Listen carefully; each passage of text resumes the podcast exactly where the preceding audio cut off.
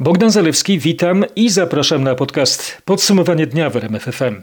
Dziękuję, że zdecydowaliście się posłuchać syntezy wydarzeń omówionych przez naszych dziennikarzy w faktach oraz na stronie rmf24.pl. To 23 listopada, poniedziałek. Dużo niższa liczba zakażonych koronawirusem podana przez resort zdrowia, ale przy dużo mniejszej liczbie testów. Dymisja za błędy w danych o infekcji w raportach powiatowych i wojewódzkich stacji sanitarno-epidemiologicznych. Co z testami przesiewowymi na Śląsku, w Małopolsce i Podkarpaciu? Władze i eksperci nie mówią jednym głosem. Jak wygląda sprawa styczniowych szczepień na COVID-19? Pielęgniarki planują strajk. Trwają aborcyjne manifestacje strajku kobiet. Niemcy wprowadzają parytet płci w biznesie. Rodzina ma się dobrze w japońskich korporacjach, czyli krewni na czele przedsiębiorstw w kraju kwitnącej wiśni. Turystycznym szlakiem Olgi Tokarczuk. Posłuchajcie, co to takiego książkowy trip. 15 002 nowe potwierdzone zakażenia koronawirusem i 156 ofiar. To najnowsze dane Ministerstwa Zdrowia. W ciągu doby wykonano niespełna 27,5 tysiąca testów. O szczegółach Patryk Michalski. Sytuacja najpoważniejsza jest na Mazowszu. To jedyne województwo, gdzie liczba nowych zakażeń przekroczyła 2000. Mówiąc dokładniej, w tym regionie mamy 2295 pozytywnych wyników. Na drugim miejscu jest Wielkopolska, tam niemal 1900 potwierdzonych zakażeń i 1401 przypadków w Małopolsce. Na Dolnym Śląsku nieco ponad 1000 zakażeń. W pozostałych województwach liczba zakażeń jest niższa niż 1000. Według oficjalnych danych Ministerstwa Zdrowia obecnie w całym kraju mamy niemal 16 tysięcy wolnych łóżek covidowych i ponad 900 dostępnych respiratorów. W ciągu ostatniej doby 140 dodatkowych łóżek zostało zajętych. Zajęte zostały też kolejne 23 respiratory. Problemy techniczne i różne źródła, z których pochodziły dane o zakażeniach koronawirusem. Takiej przyczyny różnic w liczbie infekcji raportowanych przez powiatowe i wojewódzkie stacje sanitarno-epidemiologiczne wskazał Główny Inspektorat Sanitarny. W skali całej Polski rozbieżności sięgały 22 tysięcy przypadków. Chodzi głównie o województwa mazowieckie i śląskie. Michał Dobrowicz o tym, jakie będą konsekwencje tych rozbieżności. Konsekwencje służbowe poniosą pracownicy stacji sanitarnych. Już dziś do dymisji podała się zastępca wojewódzkiego mazowieckiego inspektora sanitarno-epidemiologicznego. Różnice w danych powstały m.in. przez to, że, jak tłumaczy zastępca głównego inspektora Izabela Kucharska, do pewnego momentu dane do systemu wpisywane były ręcznie, a w pewnym momencie zakażeń było tak dużo, że trudno było nad nimi zapanować. Nas jako inspekcję sanitarną również y, dosięgnęła y, ognisk epidemicznych i okresowo do 20% pracowników Państwowej Inspekcji Sanitarnej zajmujących się COVID-em było wyłączonych z działań covidowych. Sanepid zapowiada poprawę w raportowaniu. Zgodnie z najnowszym mechanizmem dane do systemu laboratoria mają wprowadzać już tylko elektronicznie w ciągu najpóźniej 48 godzin od wyniku testu. Testy przesiewowe na Śląsku, w Małopolsce i Podkarpaciu. Najwcześniej w połowie grudnia. Rząd w tym tygodniu zdecyduje o sposobie przeprowadzenia tych testów.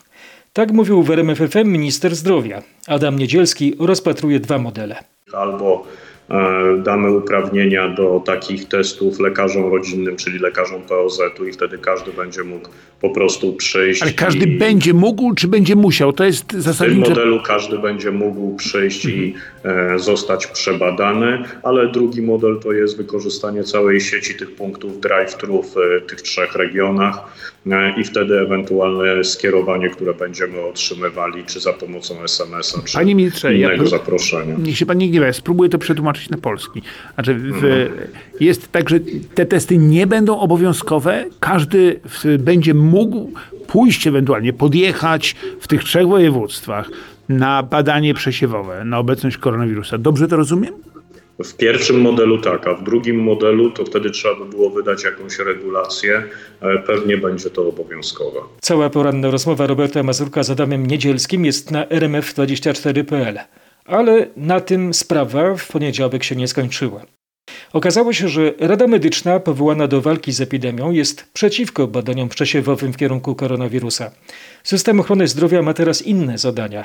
Przekonuje główny doradca premiera do spraw walki z epidemią profesor Andrzej Horban. Jest duża bardzo liczba zakażeń. Cały wysiłek powinien pójść testowanie tych ludzi, którzy mają objawy i pilnowanie ludzi, którzy są zakażeni. Analizujemy głosy ekspertów, odpowiada wiceminister zdrowia Waldemar Kraska. Pracuje w tej chwili grupa ekspertów, która chce to y, i o to opracuje i oczywiście podamy do Państwa wiadomości, w jaki sposób będziemy logistycznie te testy przesiewowe wykonywać. Szczegóły na temat programu badań przesiewowych mamy poznać w tym tygodniu. Wtedy ma zapaść też decyzja, czy testy byłyby obowiązkowe, czy braliby w nich udział tylko chętni. 16 tysięcy szybkich testów antygenowych trafiło do Małopolski. Mają być wykorzystane w zespołach ratownictwa do testowania pacjentów przed ich przyjęciem do szpitali. Marek Wiosło o tym, kiedy ruszy testowanie. Od jutra pierwsze szybkie testy antygenowe wykonywane będą w karetkach krakowskiego pogotowia ratunkowego. Takie testy robione już w momencie przyjazdu do pacjenta miały znacząco zmniejszyć czas oczekiwania przyjęć do szpitala. Miały, bo okazuje się, że testy nie będą wykonywane wszystkim pacjentom, a tylko tym z objawami koronawirusa.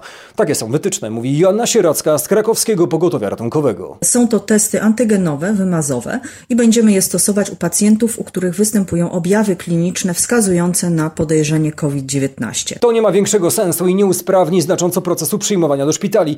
Testy i tak trzeba wykonać wszystkim pacjentom. Problemem systemu ochrony zdrowia są pacjenci bezobjawowi. I tak będziemy musieli tych pacjentów testować w szpitalach. Mówił Marcin Mikos ze szpitala imienia Ditla w Krakowie. Chcemy zacząć szczepienia w styczniu, oświadczył na antenie RMFFM minister zdrowia Adam Niedzielski. Szczepionki kupowane są w ramach kontraktu podpisanego przez Komisję Europejską. Katarzyna Szymańska-Bruginą powie, co o tym terminie mówi się w Brukseli. Styczeń to termin bardzo optymistyczny, ale nie jest wykluczony, usłyszałam. Europejska Agencja Leków poinformowała, że może zatwierdzić pierwsze szczepionki przeciw COVID-19 do końca obecnego roku lub na początku przyszłego. Potem wymagana jest jeszcze autoryzacja Komisji Europejskiej, która zapewnia, że z jej strony procedury zostaną przeprowadzone bardzo szybko. Następnie szczepionki trzeba wyprodukować. Niektóre firmy już rozpoczęły produkcję na własne ryzyko nie czekając na autoryzację. Potem trzeba zorganizować dystrybucję. Większość krajów w pierwszej kolejności chce szczepić pracowników służby zdrowia, pracowników socjalnych i osoby starsze. Polska chce szczepić najpierw medyków i służby mundurowe. Szczepionka przeciwko COVID-19 testowana przez naukowców w Oksfordzie jest na 70% skuteczna. Skuteczność wzrasta do 90% przy zastosowaniu mniejszej dawki najpierw i większej później. Bogdan Frymorgan poinformuje nas, jak szybko Brytyjczycy będą mogli z niej skorzystać. Dopiero po uzyskaniu atestu, czyli najwcześniej w pierwszej połowie przyszłego roku.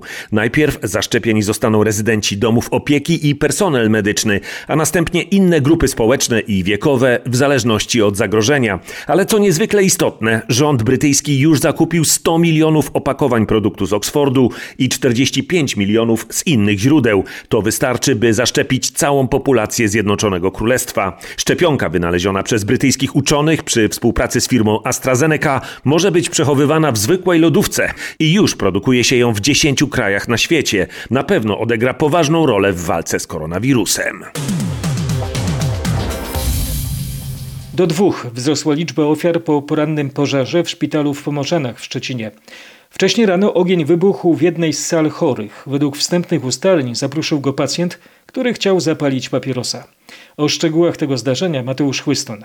Prawdopodobny sprawca pożaru zginął na miejscu. Druga ofiara to pacjent, który leżał z nim w sali. Choć udało się go w porę ewakuować, doznał oparzeń, miał poza tym poważne schorzenia kardiologiczne. Po kilku godzinach od zdarzenia jego stan gwałtownie się pogorszył, po czym starszy mężczyzna zmarł. Pozostałych pacjentów ewakuował personel kliniki jeszcze przed przyjazdem straży pożarnej. Akcja gaśnicza była dość krótka. Strażakom szybko udało się opanować pożar. Po oddymieniu pomieszczeń pacjenci mogli wrócić do swoich sal. Część budynku K szpitala przy Alei Powstańców Wielkopolskich została czasowo wyłączona z użytkowania. Wstrzymano też planowe wizyty w klinice nefrologii, transplantologii i chorób wewnętrznych. Śledztwo w sprawie pożaru wszczęła prokuratura. 63-latek zakażony koronawirusem zmarł w jednym z osiedlowych sklepów w Gdyni. Mężczyzna wyszedł z domu mimo izolacji. O tej tragedii opowie Piotr Błakowski. 63-latek poszedł do sklepu w czasie zakupów, upadł. Pracownik sklepu wezwał pomoc. Niestety mm, przybyły na miejsce lekarz stwierdził zgon. Sprawę śmierci 63-latka bada policja pod nadzorem prokuratora. Sklep został zdezynfekowany. Ustalana jest teraz lista osób, z którymi mężczyzna mógł mieć kontakt. Prawie ukończono już pracę w szpitalu tymczasowym w Międzynarodowym Centrum Kongresowym w Katowicach. Jeszcze w tym tygodniu mogą tam trafić pierwsi pacjenci z koronawirusem. Na miejscu była nasza reporterka Anna Krobaczek. Kto konkretnie będzie mógł znaleźć tam pomoc? Pacjenci z niewydolnością oddechową, z problemami kardiologicznymi, diabetologicznymi, okulistycznymi czy osoby wymagające dializy. Sprzęt dla chorych na COVID-19 z takimi schorzeniami lub powikłaniami jest przygotowany. Szpital tymczasowy ma w późniejszym okresie odciążyć inne szpitale, w których obecnie są oddziały covidowe. Żeby te pozostałe szpitale zaczęły normalnie funkcjonować i normalnie przyjmować, przecież COVID to jest jeden aspekt dzisiejszych czasów, natomiast inne choroby oczywiście istnieją i tych innych pacjentów chcemy też zabezpieczyć. Mówi profesor Włodzimierz Mazur, wojewódzki konsultant do spraw chorób zakaźnych. W MCK w Katowicach jest pół tysiąca łóżek. Na razie podpisano ponad 140 umów z lekarzami i pielęgniarkami. Rekrutacja wciąż trwa. Wbrew wcześniejszym zapowiedziom wicepremiera i ministra zdrowia, wszystko wskazuje na to, że nadchodzącej zimy będą jednak czynne stacje narciarskie. Wypracowaliśmy wspólne stanowisko, aby uratować sezon zimowy w tym roku. Poinformowały na swojej stronie internetowej polskie stacje narciarskie i turystyczne. Maciej Pałachicki wyjaśni, na jakich zasadach będzie można jeździć na nartach w nadchodzącym sezonie. Na razie niewiele wiadomo na temat tego, jakie zasady będą obowiązywały na wyciągach nadchodzącej zimy. Projekt regulacji zaproponowany przez przedstawicieli stacji narciarskich podczas dzisiejszej konferencji z wicepremierem Jarosławem Gowinem i wiceministrem Andrzejem Gutem-Mostowym jest konsultowany z głównym inspektorem sanitarnym. Dopiero jutro dowiemy się więc, ile osób będzie mogło jeździć na krzesełkach czy w gondolach i jakie odstępy będą obowiązywały w kolejkach do wyciągów. To, co teraz wydaje się pewne, to to, że sezon narciarski rozpocznie się podobnie jak w poprzednich latach, mówi Sylwia Groszek ze Stowarzyszenia Stacji Narciarskich i Turystycznych oraz to, że obowiązywać będą ostre zasady reżimu sanitarnego. Jednak jakie, tego nie chciała jeszcze zdradzić.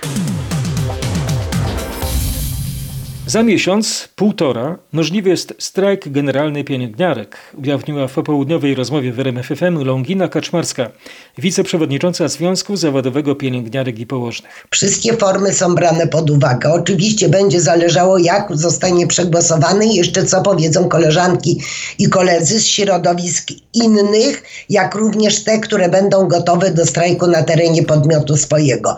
Myślę, że, że wszystkie formy, być może, że będzie odejście od, od łóżek, być może, że będzie głodówka, być może, że będą y, składane y, prawo, będą składali prawo wykonywania zawodu, te zawody, które mają y, wydane prawo wykony, wykonywania zawodu przez samorządy swoje. Mówiła Longina Kaczmarska. Cała rozmowa Marcina Zaborskiego jest na rmf24.pl.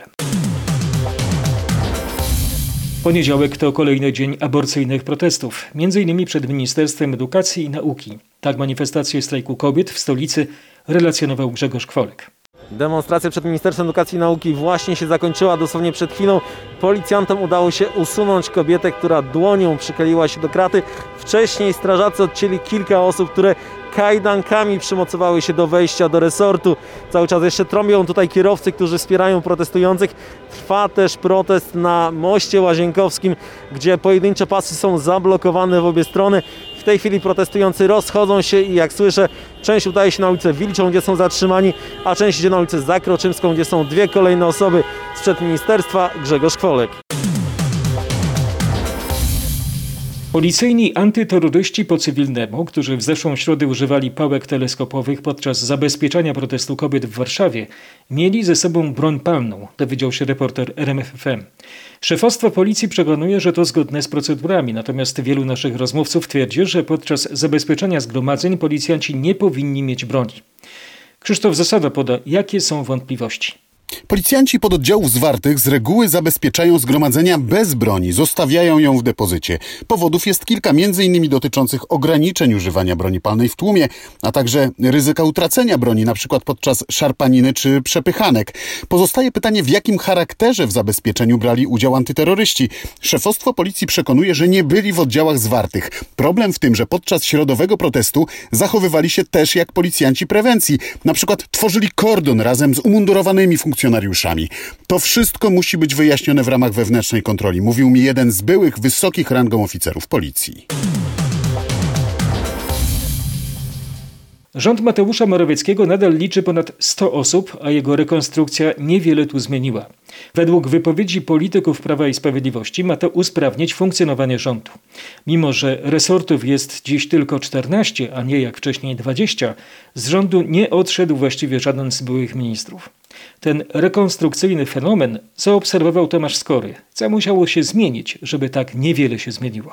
Biurka i gabinety, w których stoją, na przykład biurka ministrów Zagórskiego i Andruszkiewicza, dotąd stały w resorcie cyfryzacji. Po jego likwidacji w kancelarii premiera, a obaj panowie robią to co dotąd. Podobnie jak byli szefowie zlikwidowanych, a obecnie wiceszefowie innych resortów. Jarosińska Jedynak, Grubarczyk czy Woś.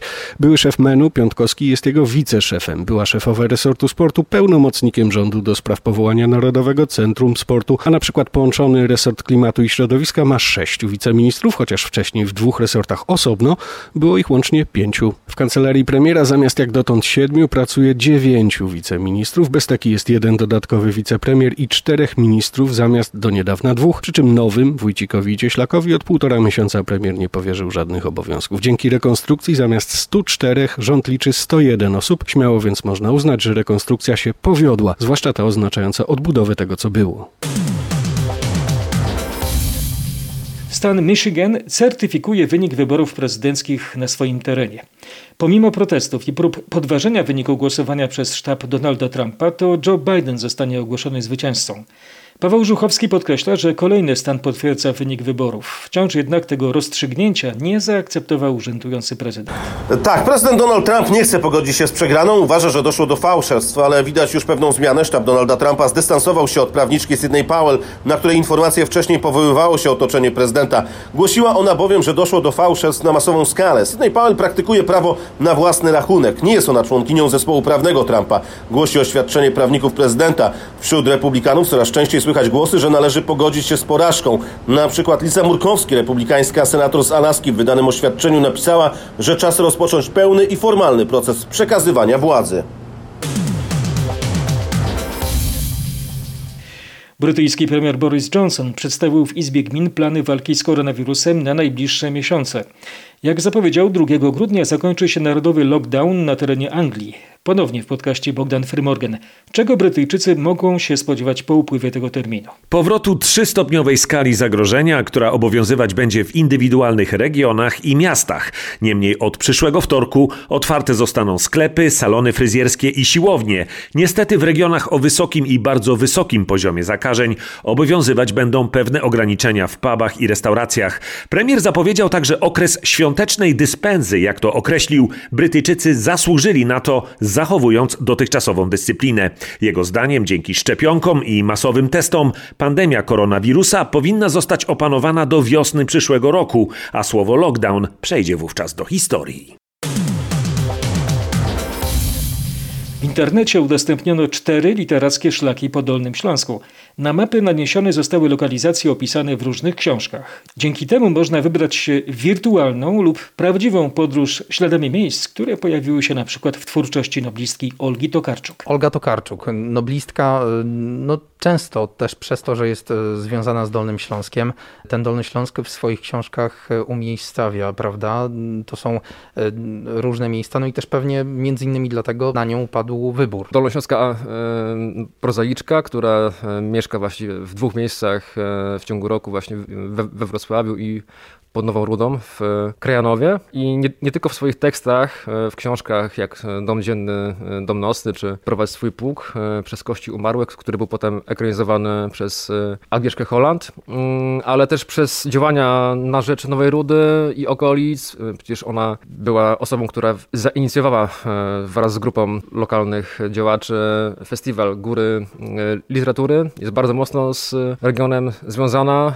Myślę, że tym, tym, tym ciekawiej właśnie jest też w taki szlak się wybrać trochę jej tropami wynikającymi właśnie z, bio, z biografii, bo tam też te, te punkty krajanów czy Nowa Ruda, gdzie ona często przybywała, czy można ją spotkać właściwie w, w lipcu na, podczas festiwalu, ale też z tekstów, które bardzo ciekawie opisują re, realną przestrzeń, no, zwłaszcza Nowej Rudy, która jest świetnie opracowana właśnie w powieściach Olgi Tokarczuk, ale też Wałbrzych, Wrocław i inne miejscowości jak Szopka w Bardzie jest kapitalnie też opisana. Jest po prostu bardzo dużo ciekawych lokalizacji, które zarówno w twórczości Olgi Tokarczuk, jak i dziesiątek autorów tuż powojennych, bo też mamy na myśli zarówno twórców, którzy opisywali gdzieś tam w swoich tekstach Dolny Śląsk czy Wrocław tuż po wojnie, ale też bardzo współcześnie. Mówił Grzegorz Czekański, jeden z twórców projektu.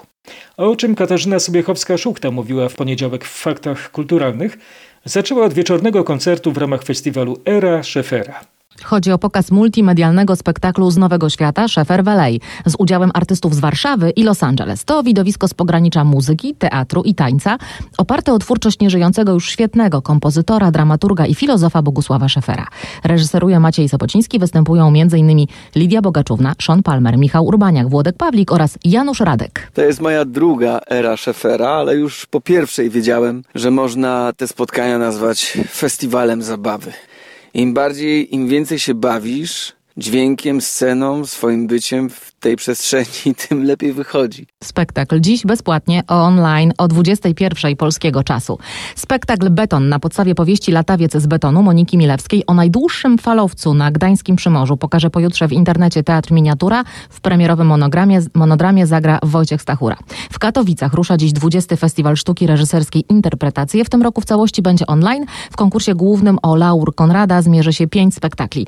I również dziś zaczął się 38. Festiwal Szkół Teatralnych, również w przestrzeni wirtualnej. Tegoroczne hasło brzmi Zagrajmy to razem. Przedstawienia można oglądać bezpłatnie do niedzieli. Pięć spektakli zmierzy się w tegorocznej 20. edycji Ogólnopolskiego Festiwalu Sztuki Reżyserskiej Interpretacje. Wszystkie przedstawienia konkursowe obejrzymy za darmo przez internet, a reżyser najlepszego z nich zdobędzie nagrodę główną, czyli Laur Konrada. W konkursie zmierzą się m.in. Gracjan Pan z Teatru Kapitol we Wrocławiu, Mistrz i Małgorzata z Teatru Polskiego w Bielsku Białej, czy spektakl Jezus z Nowego Teatru w Warszawie. Na półkach z nowościami znajdziecie książkę Wroną po Stanach. Dziennikarz i wieloletni korespondent w USA Marcin Wrona napisał ją wspólnie ze swoimi dziećmi Mają oraz Jankiem. I ta ich perspektywa jest momentami trochę inna niż moja. Napisaliśmy tę książkę wspólnie, dzieciaki do każdego rozdziału napisały po kilka akapitów. I to jest takie spojrzenie rodziny, która podróżuje po Stanach. Autorzy opowiadają o Ameryce od Nowego Jorku po Hawaje, od Florydy po Kalifornię. Są też akcenty kulinarne. W każdym z ośmiu rozdziałów, które są podzielone albo na stany, albo na regiony, które nam się najbardziej podobają, znajduje się też jeden przepis na potrawę związaną ze stanem. I jest też Ameryka przyrodnicza, gospodarcza i polityczna. Będzie druga część widowiskowego filmu Czarna Pantera, pisze Hollywood Reporter. Nie wiadomo na razie kto po śmierci Chadwicka Bosemana zagra tytułowego bohatera. Zdjęcia rozpoczną się w lipcu przyszłego roku w Atlancie i potrwają sześć miesięcy. Kolejny kraj Unii Europejskiej wprowadza parytet płci w biznesie. Tym razem to nasi sąsiedzi Niemcy. Michał Zieliński z redakcji ekonomicznej RMFFM zauważa jednak, że to stosunkowo łagodne przepisy. Tak, bo większe firmy będą musiały mieć co najmniej jedną kobietę w zarządzie. We Francji, Włoszech, Hiszpanii, Holandii, Belgii czy Finlandii, gdzie takie przepisy już obowiązują, wśród prezesów ma być co najmniej 30 czy 40% pań. Mimo kar część firm nie respektuje jednak e, tych przepisów. Tłumaczą, że trudno jest znaleźć kobiety z odpowiednimi kompetencjami. Ale według zwolenników kwot mężczyźni preferują po prostu innych mężczyzn, których znają dzięki wspólnym dyskusjom czy rozrywkom. W Niemczech w zarządach dużych firm jest teraz 13% pań. To podobna część jak w Polsce. Czy jest w języku japońskim pojęcie kumoterstwa, kolesiostwa? Czy jest wyraz nepotyzm? Takie słowo jest nepotizumu Natomiast, jak przekonuje mój rozmówca, pisarz i reportażysta Piotr Milewski, nieczęsto jest używane. Autor książki Planeta K, w której opisał 5 lat pracy w japońskiej korporacji, przekonuje, że rozumienie interesu własnego i interesu rodziny czy grupy w przedsiębiorstwach jest inne niż u nas dużo większy jest jednak nacisk na takie y, podejście grupowe i również y, właśnie taką działalność w ramach rodzin. Firmy rodzinne w Japonii no, są bardzo częste i te wszystkie największe korporacje, które znamy do dziś, które funkcjonują, no, są y, albo zaczynały jako firmy rodzinne, albo w dalszym ciągu, przynajmniej w pewnej części, de facto są firmami rodzinnymi. To tak jak czebole w Korei, prawda? Y, myślę, że w Korei to jest jeszcze bardziej wyraźne, to na pewno. Jeszcze bardziej wyraźne, jeszcze bardziej tam y, te rodziny czy też klany są, y, zarządzają wielkimi, olbrzymimi organizmami gospodarczymi. Zapoznajcie się z całą moją rozmową z Piotrem Milewskim na rmf24.pl. Pozwoliłem sobie tutaj na takie kolesiostwo i zareklamowałem samego siebie.